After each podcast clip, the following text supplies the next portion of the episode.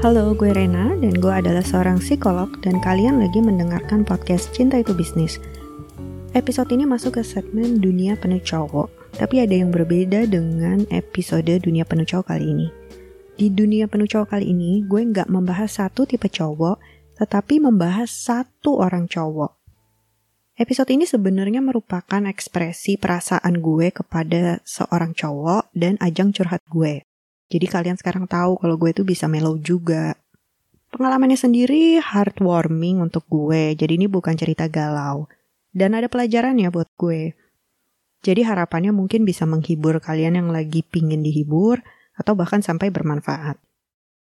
Sampai gue bikinin satu episode khusus, pastinya orang ini spesial untuk gue.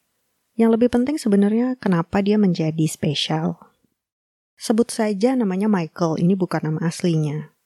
Dia teman seangkatan gue. Gue dan Michael masing-masing punya pacar.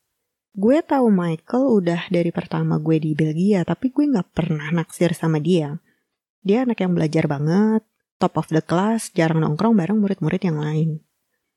Dia tuh udah S1 tiga kali, dan ini master pertamanya. Suatu waktu ada assignment yang menempatkan gue satu kelompok sama dia. Waktu itu gue ditempatin di laboratorium computational neuroscience. Pertama kali gue dapet paper dari lab itu, gue asli pusing banget alias gue gak ngerti apa-apa. Karena di computational neuroscience itu lebih condong ke artificial intelligence. Banyak banget aspek matematikanya dari sisi teknis yang gue tuh gak punya basicnya gue sampai nyesel banget kenapa gue milih project ini ya sebagai salah satu opsi gue. Jadi lo tuh kayak boleh milih 5 project nanti akan diacak oleh komputer.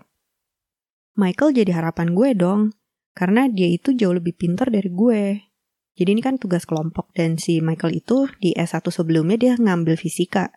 Jadi mungkin dia lebih ngerti kalau ada hal-hal yang berhubungan dengan angka dan ditulis dalam simbol-simbol nggak jelas. Intinya yang nggak ditulis pakai bahasa Inggris deh. Ternyata dia itu sama tersesatnya dengan gue. Gue frustrasi sih. Jadilah kita desperate bareng. Nah jadi waktu itu beberapa student kan emang di-deploy di beberapa lab. Dan project kita itu dikonfirmasi sama lead dosen di mata kuliah itu sebagai project yang paling susah. Beberapa orang tuh bahkan udah saranin kayaknya kita minta project lain aja deh. Karena ini impossible diselesain sama anak psikologi. Karena bahkan untuk anak artificial intelligence aja, ini project susah. Singkat cerita, gue dan dia benar-benar berusaha keras banget. Dan untungnya, profesor di lab yang kita kerja sementara itu ngerti kalau kita nggak punya basicnya. Dan profesornya untungnya kayaknya sih senang menghabiskan waktu sama kita dan senang jadi mentor kami. Dan kita juga mau susah gitu. Jadi akhirnya kita kayak dikasih kelas kuliah tambahan sama profesor itu secara privat. Gue tuh sampai baca satu buku textable soal computational neuroscience dalam seminggu. Dan teman-teman gue udah pada bilang sih, upaya yang kami keluarkan itu benar-benar ekstra banget. Dan jadilah akhirnya gue pun menghabiskan waktu sama Michael tuh banyak banget. Dan di situ gue ngeliat betapa berdedikasinya dia sama kuliahnya. Bener-bener dia itu dedicated banget dan gue kagum banget sama dia. Yang gue juga seneng kita berdua tuh nggak ada loh yang kayak komplain-komplain atau gimana kayak udahlah kita usaha aja semaksimal mungkin. Ya hasilnya kalau emang ternyata gagal mau gimana lagi? Tapi kita tuh nggak ngeluh nggak apa kayak ya udah semangat aja gitu. Dan juga uh, mentorship dari si profesor itu tuh ngebantu banget sih. Terus teman-teman gue ngelihat kami itu udah kayak udah pada prihatin banget, tapi di sisi lain juga memuji level dedikasi yang kami berikan. Dan yang gue sadari ya soal diri gue, gila udah lama ya, gue tuh gak segini berdedikasinya sama sesuatu. Gue bukan yang gak suka sama kerjaan gue sebelum gue ngambil brain and cognition ini. Tapi mungkin udah masuk fase bosan dan gue tidak merasa fulfilled lagi sih. It is more than about doing something you're passionate about. Karena gue punya passion untuk banyak hal tapi untuk segitu berdedikasinya terhadap sesuatu because you care. And to have somebody whom you can share this meaningful experience and doing it together, I sort of like grow together with him. It is just a very special experience. And for that reason, I consider myself very lucky. Apalagi ini terjadinya di umur gue yang udah 30-an ya. Bukan terjadi di umur gue yang belia lagi gitu. Singkat cerita, kami sukses. Hasilnya di luar ekspektasi gue sih. Presentasi dan tugasnya berjalan lancar. Bahkan profesor di lab itu sampai happy banget itu gue rasa puasnya itu nggak tergambarkan deh. Bangga sama kami, bangga juga sama diri gue.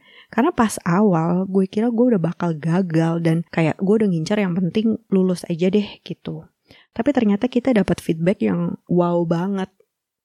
There is no luck in this project. We just work very, very hard. Pas selesai gue tuh nepuk pundak dia, gue yang say thanks for everything. Dia juga seneng, dia bilang thanks juga, it went well. Dia lega, dia seneng, dan dia bilang, I enjoy it. I enjoy the whole process gitu. And we express our respect to each other as a colleague.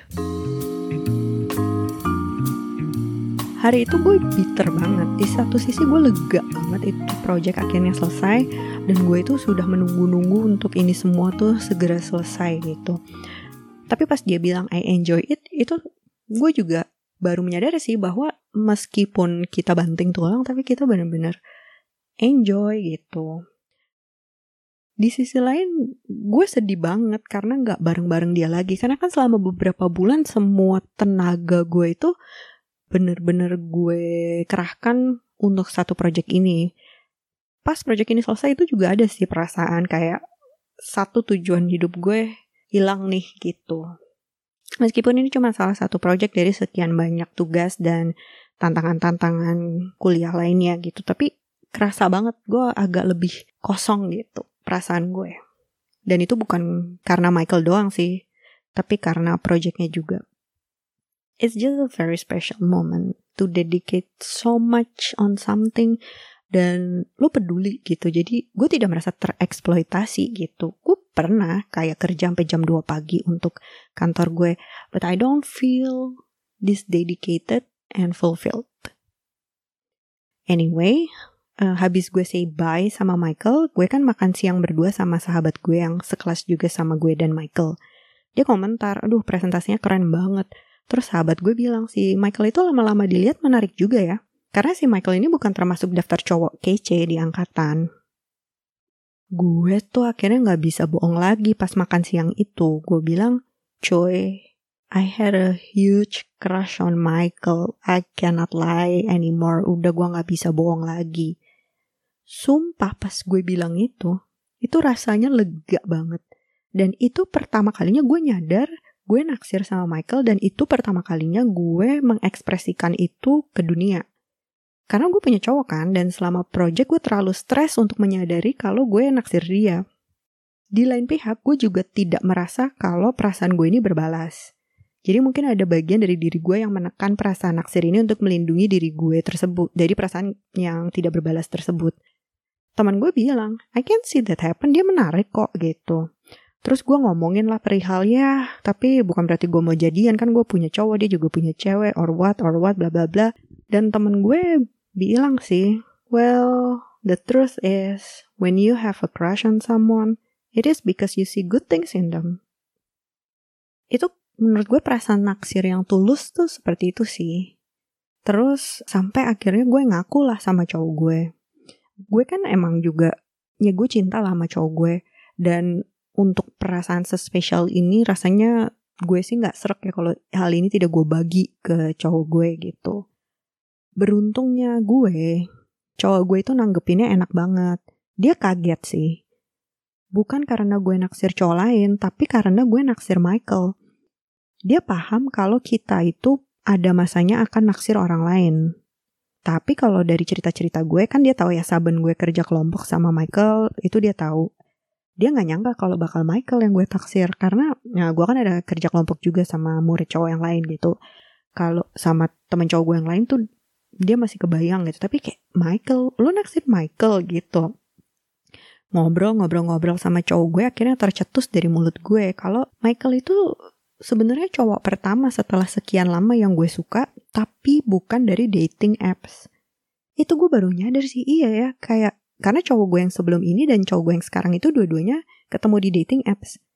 Udah lama, kalau udah lama, udah lama gue itu uh, apa nggak suka sama cowok yang ya ketemu di dunia nyata gitu awalnya jadi emang perasaannya tuh berkembang dan apa ya kalau di dating apps itu kan paling gak lu udah tahu kan kalau uh, satu sama lain itu tertarik dan emang ketemu tujuannya untuk mengeksplorasi hubungan romantis gitu. Udah lama gue tuh gak naksir orang yang sebelumnya tuh mulainya tuh dari temen gitu. Dan interaksinya tuh tidak ditujukan untuk dating. Tapi bukan itu sebenarnya yang bikin spesial, bukan itu. Gue kan juga berdiskusi sama cowok gue kan, kenapa peristiwa ini tuh segitu berartinya untuk gue? Karena kan ya lu naksir cowok di jalan ada cowok ganteng kan juga bisa aja gitu. Akhirnya gue bilang, It's been a while since I have a crush on someone out of admiration, not out of insecurity. Cowok gue tuh yang kayak, hmm, itu poin bagus banget sih gitu. Karena gue bilang sama cowok gue, bahkan kalau lo ya, gue naksir lo tuh ada part of insecurity-nya gitu. Dalam artian insecurity itu karena ya gue takut single gitu, gue ya gue mau punya pacar. Jadi interaksi gue sama cowok gue yang sekarang itu juga didasari oleh insecurity karena gue gak mau sendiri gitu sama si Michael ini bener-bener out of admiration. Gue ngeliat gimana dia kerja gue admire dia terus ya akhirnya ya tumbuh menjadi perasaan naksir itu.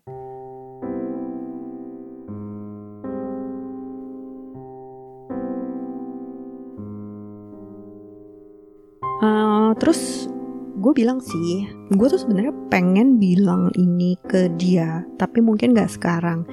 Karena gue ini tipe orang yang merasa bahwa pengekspresian cinta itu ada tanggung jawabnya loh gitu. Contoh misalnya lu lu udah nikah gitu.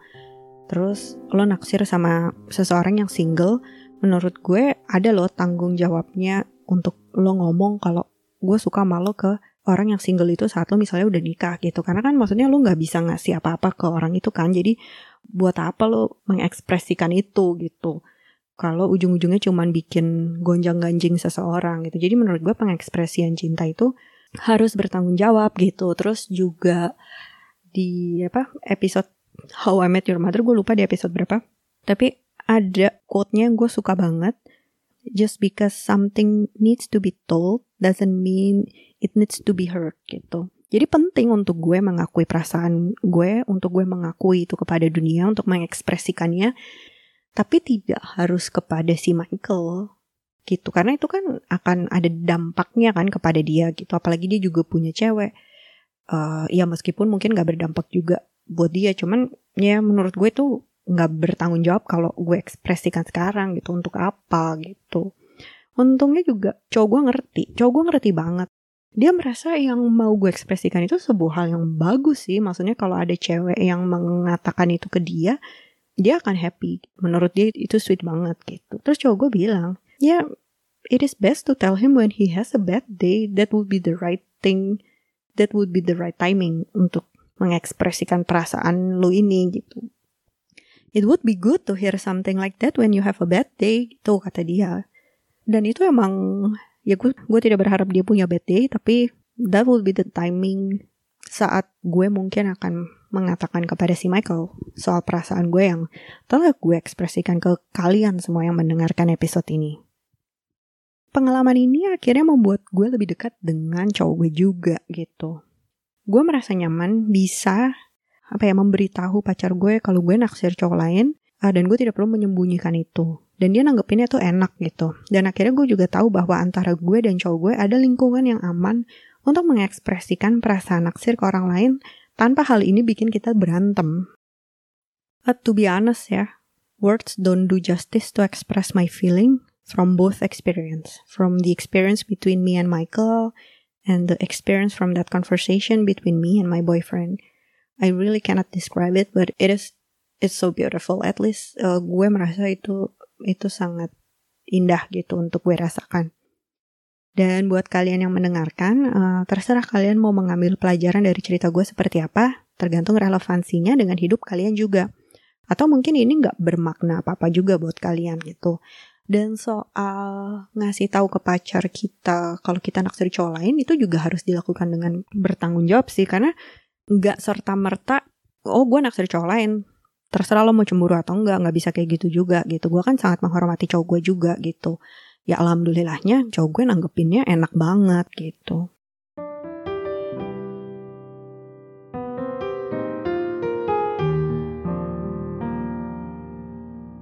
Anyway, for Michael, eh, today is not the day when I tell you how much our interaction mean to me. Maybe that time will never come. But as a simple wish from a woman, I hope that one day you know that once upon a time, you have warmed my heart and that you have meant that much to someone.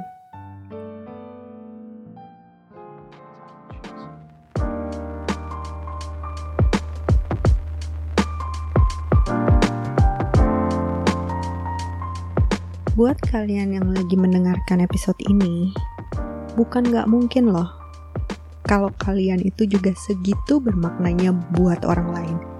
Tapi mungkin orang tersebut karena alasan apa pun tidak mengungkapkannya kepada kalian. Jadi kalau kalian mungkin lagi punya hari yang buruk, ingat-ingat aja atau anggap aja bahwa dalam suatu waktu kalian tuh sebenarnya bermakna untuk orang lain yang mungkin orang itu masih inget sampai sekarang.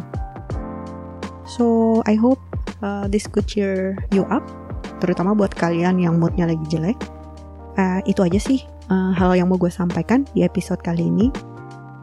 Jangan lupa untuk follow Potluck Podcast. Potlucknya P O D L U C K Podcast di Spotify dan jangan lupa follow akun Instagramnya, like fit-fitnya Cinta Itu Bisnis. Dan kalau kalian punya saran, kritik, atau apaan aja deh, kalian bisa komen di feed-feednya Cinta Itu Bisnis yang di-upload di Instagramnya at Podcast. Atau kalian juga bisa DM gue di at ibu.rt.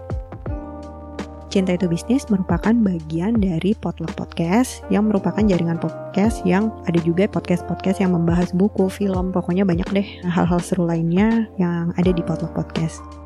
Sampai ketemu lagi di episode Cinta Itu Bisnis selanjutnya. Bye!